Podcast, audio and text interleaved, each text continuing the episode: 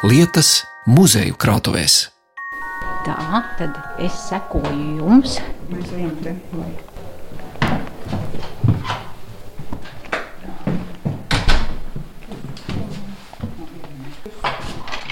Bet tās durvis ir cietuma. Mhm, Kamera durvis. Šo redzat, lodziņš un barotava.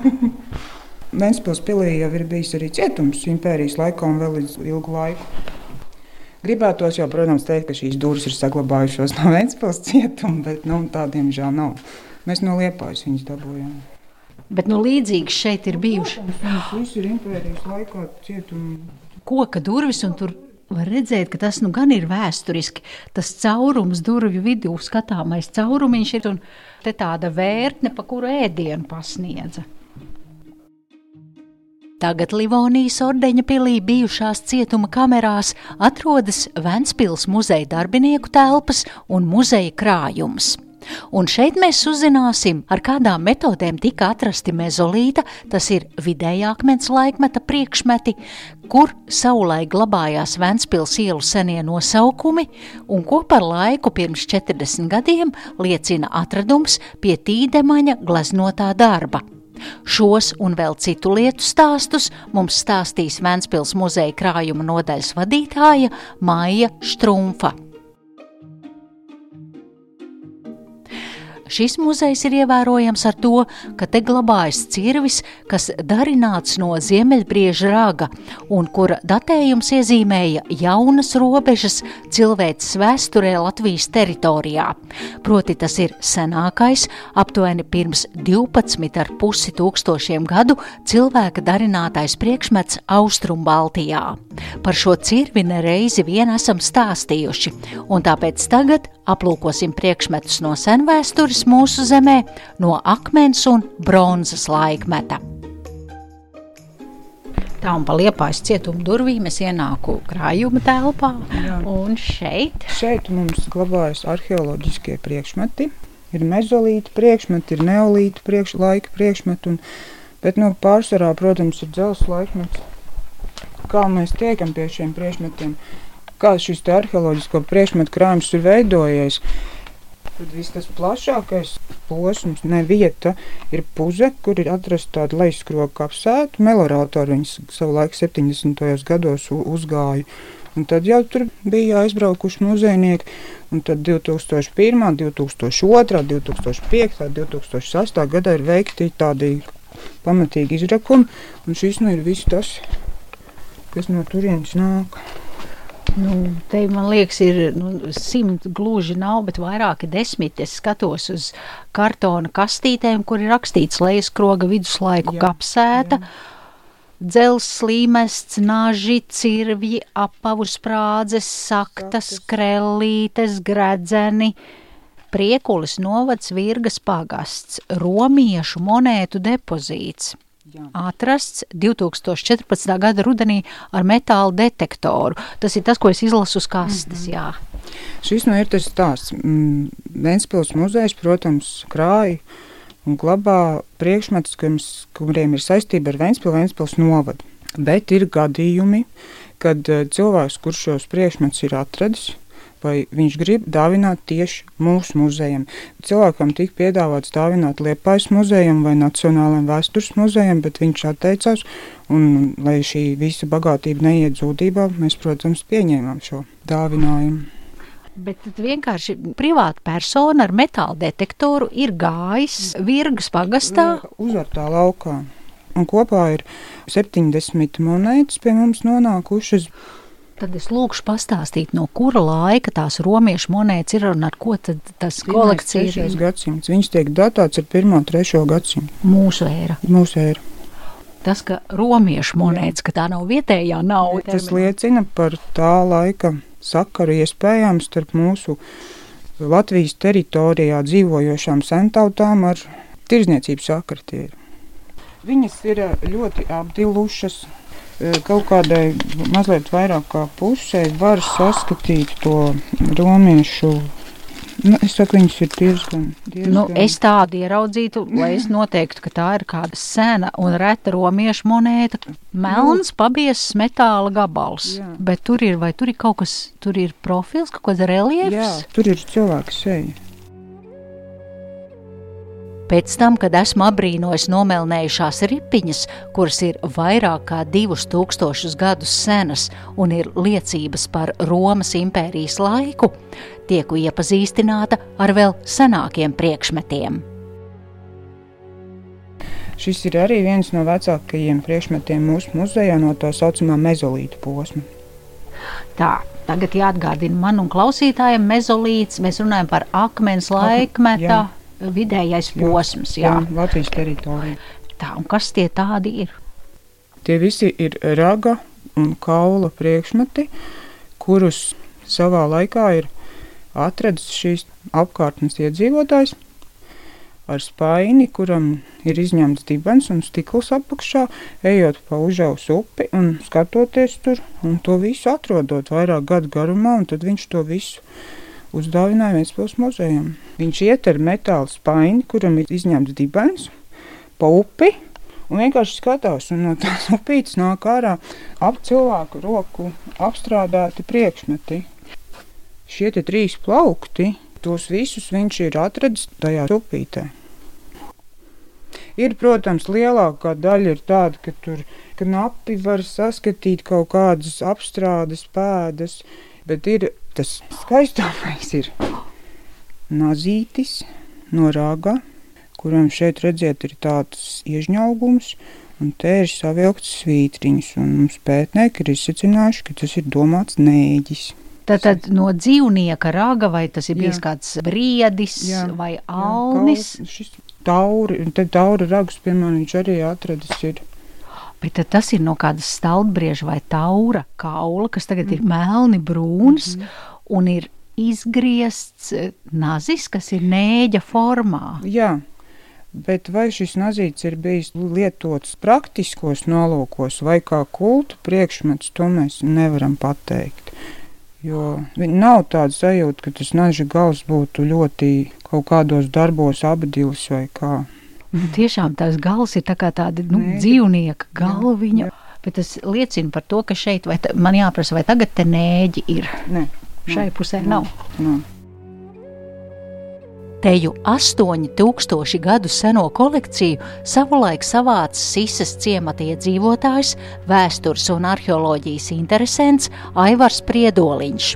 Spaiņa dibenā ievietojot stiklu, jo tā vienkārši var labāk pārskatīt upes gultni, viņš uzgāja minētos priekšmetus. Kā 2013. gadā izdevumā Latvijas avīze raksta žurnālists Viesturs Sprūde, tad minēto nazi pētot, arheologi ir nākuši pie secinājuma, ka nazis ir nēģa atveidojums. Baltijas jūras reģionā atradums kļūst unikāls, kā vienīgais atpazītais šī zivjveidīgā dzīvnieka attēlojums no aizvēsturiskiem laikiem. Nāzis ir 22 cm garš, spals ir veidots kā schematiska nēģa plakana skulptūra, un sākumā arheologi ir domājuši, ka senais cilvēks tā ir attēlojis čūsku, taču papētot tuvāk, nepārprotamie žaunu robiņi ir likuši atskārst ko citu. Baltijas jūras reģionā arī agrāk ir atrasti dažādi kaulā un ragā izgriezti cilvēku un dzīvnieku tēli, taču šīs nēģa atveids ir vienīgais zināmais.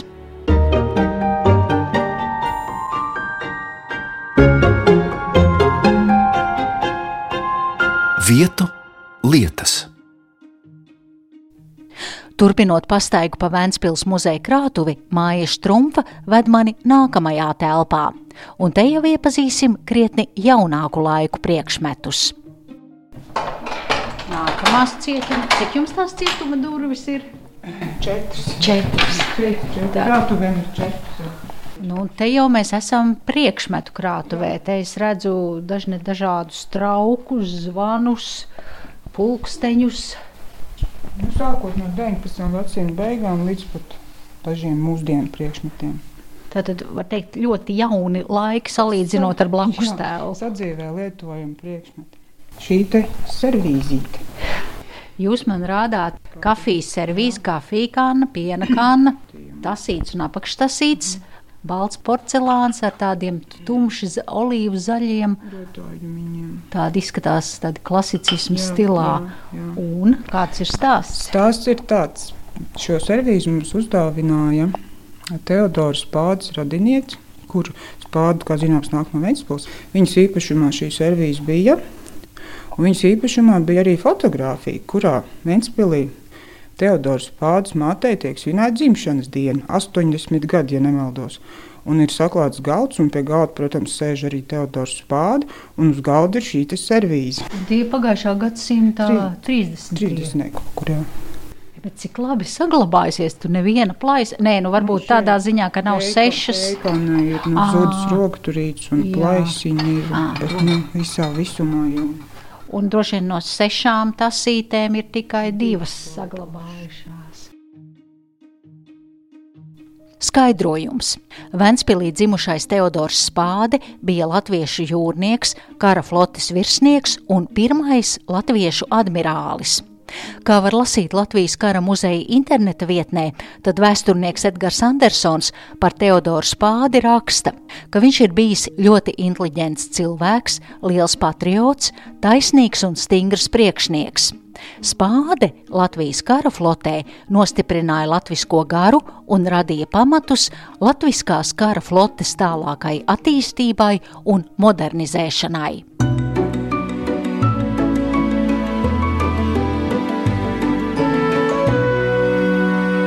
Vietu lietas. Kā jūs izvērtējat, ko likt krājumā, ko nē? Jo es skatos uz, nu, manuprāt, diezgan tādu banālu, tādu ģipša, lāča galvu. Ģipša lāča galva nāk no zudībā ejošās zlēku mūžas. Viņa tur fasādē ir bijusi. Es pat, cik atceros, tad divām viņām bija jābūt. Mums ir viena. Šāds ģipša lācis pavērtu muti. Nu, redziet, cik es nicīgi izteicos, es domāju, Jā. tas tur tāds priekšmets. Bez smaida nevar uzlūkot koši krāsoto lāča galvu, kas attiezusi glītus, baltus zobus kā cilvēkam. Tomēr stāsts ir par namu, kura fasādi šis lācis ir rotājis. Tā bija zlēku mūža, ko cēla 18. gadsimtā. Tā tika nodedzināta Otrā pasaules kara beigās, un šobrīd pāri palikuši tik aptrupuši mūri. Lāča galvas, acīm redzot, savulaik tur tika uzstādītas kā norāde uz mūžas īpašniekiem, jo bērs vācu valodā nozīmē lācis. Nākamais priekšmets, ko mājas trumfa izceļ no krājuma plaukta, ir domāts galvas lauzīšanai. Pāris centimetru gara, tāda kā tamboradata ar metāla cilpu. Uzminiet, nu kam tas ir domāts. Tā viens gals ir pudeļa attaisāmais, bet nav pudeļa attaisāmais, un tāds maz mazītiņš āķītis galā. Es nezinu, tas ir kaut kāds anatoms. Ak, Zābaku aizpogājamais rīks. Es domāju, tas ir kaut kāds Pirmā pasaules kara ķirurga. eh, Kara ķirurga. kādreiz bija šie zābaki ar tām daudzajām sīkajām podziņām, un tas ir, lai to visu varētu ērti izdarīt, ir speciāls rīks. Tāds metāla tureklis ar āķīti galā, ar ko varēja tās zābaku šņores vai ne, cilpas, nu, tas aizķert. pusē ir poga, un tad ir cilpiņi, kas jau zāķē pretējai pogai. Jums ir sena fotografija Jā, klāta. nu, mums bija arī jaunieguvuma izstāde kādu laiku atpakaļ, un lai cilvēki saprastu, par ko stāsts. Tāpēc es šo bildīti glabāju, kad es kādam stāstu, lai var saprast, par ko ir runa. Zābaka pogu āķis. Nu, re, un es domāju, tas ir kaut kāds zivju ķidājamais vai deguna ausu kaklu ārs. Tur agrāk bērniem mandels ķeksēja vai polīps no degunārā. Labi, ka tā, labi, ka es maldījos. Šo zābaku pogu aiztaisāmo kopā ar senu fotografiju, kur redzams priekšmeta pielietojums, var arī aplaukot pie šī raidījuma apraksta radio interneta vietnē. Bet tagad ir pienācis laiks stāstam par vizuālās mākslas meistaru, Ventspīlī dzimušo gleznotāju Jāni Ferdinandu Tīdemani, spilgtāko un košāko parādību latviešu mākslas vēsturē starpkaru Latvijā, bohēmieti, pilsētu, ostu un karnevālu gleznotāju. Pareizāk sakot, stāsts būs par Tīdemaņa pirmās sievas otro vīru. Lai arī tas izklausās kā neveikls dzeltenās preses raksts, tomēr tas būs stāsts par Elvīru Mituzi, jeb kā viņu vēlāk iesauca par Hanneli, gaišmatainu skaistu sievieti, kura savulaik iedvesmoja Tīdemāni radīt portretus Bārtiete un meitene tautas stērpā, un vēlāk arī iepazīstināja savu otro vīru, pedagogu Kārli Upīti ar Tīdemaņa mākslu, un pateicoties tam, pagājušā gadsimta 80. gados Ventspils muzejs tika pie izcilā meistara darbiem. Patiesībā ir trīs eļļas gleznas un trīs grafikas, kuras ir vienlaicīgi ienākušas Ventspils muzeja krājumā 1985. gadā. Tīdemaņa pirmās sievas, otrais vīrs. Tad, kad Hanela bija no aizgājusi, viņš palika viens, un tad viņš nu, domāja, ko lai dara ar tām tīdemaņu gleznām, kas bija palikušas pie Haneles. Un tad meklēja, kam dāvināt, un izvēlējās, protams, Lielo Nacionālo Mākslas muzeju un Vēnspils muzeju, jo Tīdemans ir dzimis Vēnspilī. Viņš gan 14 gadu vecumā uzkāpa uz kuģa un aizdevās plašajā pasaulē, bet tādā veidā mēs tikām pie šīs slavenās gleznas. Tad mums vēl ir. Tagad, tagad man jāsaprot, tas bija tā, tā Hannele attēlota. Tad Hannele izšķīrās ar. Viņa izšķīrās. Ar tīdemani, Jā. ar tīdemani Jā. un apprecējās. Otrreiz ar Kārli Upīti. Un tad Kārlis Upīts nodeva Jā, šo gleznu. Uzdāvināja. Uzdāvināja. Hannele aizgāja mūžībā. Jā. Kārlis Upīts bija gados, viens pats Jā, palika, un, un, bet nu, saprata, ja kāda Nu, jā. vērtība tai Nu, gleznai ir. piedāvā vēl ar padomu laiku, Tīdemans nebija to atzīto mākslinieku sarakstos. Skaidrojums. Runa ir par Tīdemaņa gleznoto Hanneles portretu, kur viņa ir ģērbusies Bārtas tautas tērpā, un šādā izskatā viņa pārstāvēja Latvijas paviljonu 1937. gadā pasaules izstādē Briselē. Bet pats interesantākais, ka 2012. gadā šeit šis arī nāca līdz komplektā ar tām gleznām. Mums vajadzēja noskanēt šīs fotogrāfijas. Šis ir tas darbs, šī ir Hanela, un tā ir tā starptautisko sasniegumu izstāde. Tātad viņi ir Bārtas tautas tērpā. Es Jā. skatos uz Jā. melnbaltu fotografiju, kur toreizējā Tīdemaņa sieva Hannele šajā tautas tērpā tērpusies, un te ir tā glezna, Jā. pēc kā viņš ir gleznojis. Un Briselē. Viņa tur ir tā paviljona, kā teikt, nu, pārstāve. Un tur pat klīst tādi stāsti, ka daži ārzemnieki ir saukuši viņu par Latvijas karalieni dēļ šī te Bārtas tautas tērpa. Un, un, un stāsts interesants šo fotografiju sakarā. Mums vajadzēja attaisīt to rāmu vaļā, lai mēs viņus varētu noskanēt. Un no rāmja aizmugures izkrita Kārļa upīša rakstīt vēstuli iespējamajiem atradējiem un daži izgriezumi par tīdemanu avīzēm. Un interesanti, ka Kārlis Upīts tajā vēstulē apraksta tā brīža politisko situāciju, kultūras dzīvi un pārspriež to, ka viņš ir uzdāvinājis Vēnspils muzejam šīs gleznas un mākslas muzejam. Un interesants teikums bija, kurā viņš saka, man ir vēl joprojām māca šaubas, vai es izdarīju pareizi, vai Vēnspilī šīm gleznām klāsies labi. Bet, nu, jāsaka, viņām šeit klājas ļoti labi. Mēs ar viņām ļoti lepojamies. Bet Upīts to bija rakstījis pagājušā gadsimta 80. gados. Jā. Piedzimu cara laikā. 1910. gada 6. aprīlī Valmieras apriņķa Dauguļu pagasta dzirklēnos. Beidzu Rīgas skolotāju institūtu. Strādāju par skolotāju, skolas un bērnu nama direktoru un skolu inspektoru. Kopš 1947. gada mācīju gandrīz tikai matemātiku un dziedāšanu. Esmu pensijā kopš 1970. gada. 1938. gada sākumā apprecējos ar Hanneli.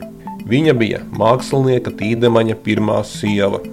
Ar viņu kopā nodzīvoju līdz 1980. gadam, kad Hannele nomira. Latvijas robežu pārkāpis nesmu ne pēdas, un to nemaz nenožēloju.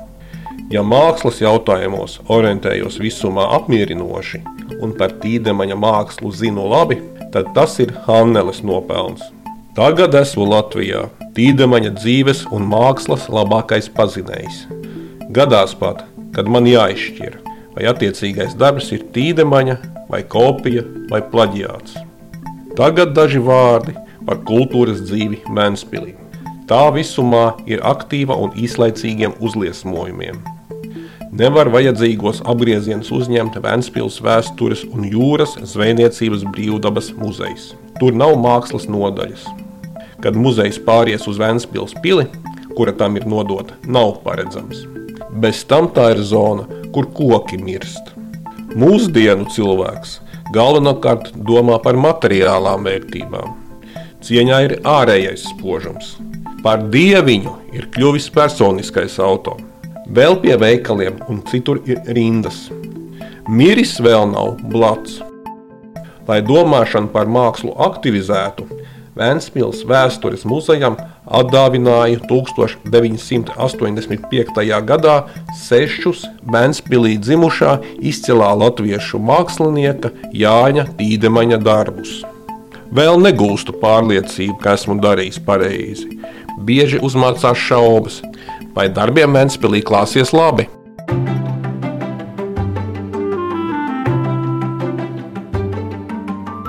Vietu lietas. Un noslēdzot stāstus par Ventspils muzeja krājuma dārgumiem, vēl uzzināsim, kāda saistība ir senajām ielu nosaukumu plāksnītēm ar pilsētas graznāko namu, kas reiz ir piederējis tirgotāju dzimtai un tad ilgus gadus kalpojis kā milicijas iestāde. Šīs te plāksnītes mēs dabūjām. Ventspilī ir tāds uh, nams, ko mēs saucam par gulčmitu namu, jo tā dzimta, kas viņa ir cēlusi un dzīvojusi, bija gulčmiti. Patiesībā graznākais tāds nams, kas mums pilsētā ir, bet Latvijas laikā viņš šo namu pārdeva pilsētai, tur bija pilsētas valde, un padomu laikā tur ierīkoja miliciju. Un milicija šīs Latvijas periodā jau pat policija tur bija nāk, diezgan drūmā stāvoklī. Un tad, kad policija izvācās no turienes ārā, mēs gājām skatīties, kas tur ir. Un tad vienā no tādām, nezinu, vai tas bija karceris vai noliktava, tāda maza neliela telpiņa tieši ar tādām pašām durvīm kā mūsu krātuvēm. Un visa tā grīda bija izklāta ar šīm ielu plāksnītēm, kas ir no, no pirmās Latvijas laika. Un tad tās labākās mēs noņēmām, atmūķējām, redzēt, cik daudz naglu cauri. Tas mēs dabūjām nost un paņēmām krājumā. Tad bija izsista grīda. Jā, viss ir metāla plānaglot. Strāzdu iela, kapsētas iela, graudu. Plēša, komētu, augšņu, miglas. Miglas iela. Lakstīgalas iela. Sakiet, vai tagad arī tie vēsturiskie ielu nosaukumi ir? Lielākā daļa ir, jā. Astoņas šādas vēsturiskas ielu plāksnes glabājas te krātuvē.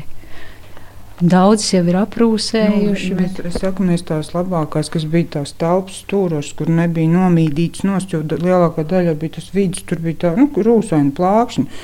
Un tās telpas stūros, tur viņas labāk saglabājušās, un tad mēs tās labākās paņēmām uz kurām vēl var kaut ko izlasīt. Par ieskatu Ventspils muzeja krātuvē es saku paldies krājuma nodaļas vadītājai Mājai Štrumfai. Raidījumu veidoja Zane Lāce Baltāksne.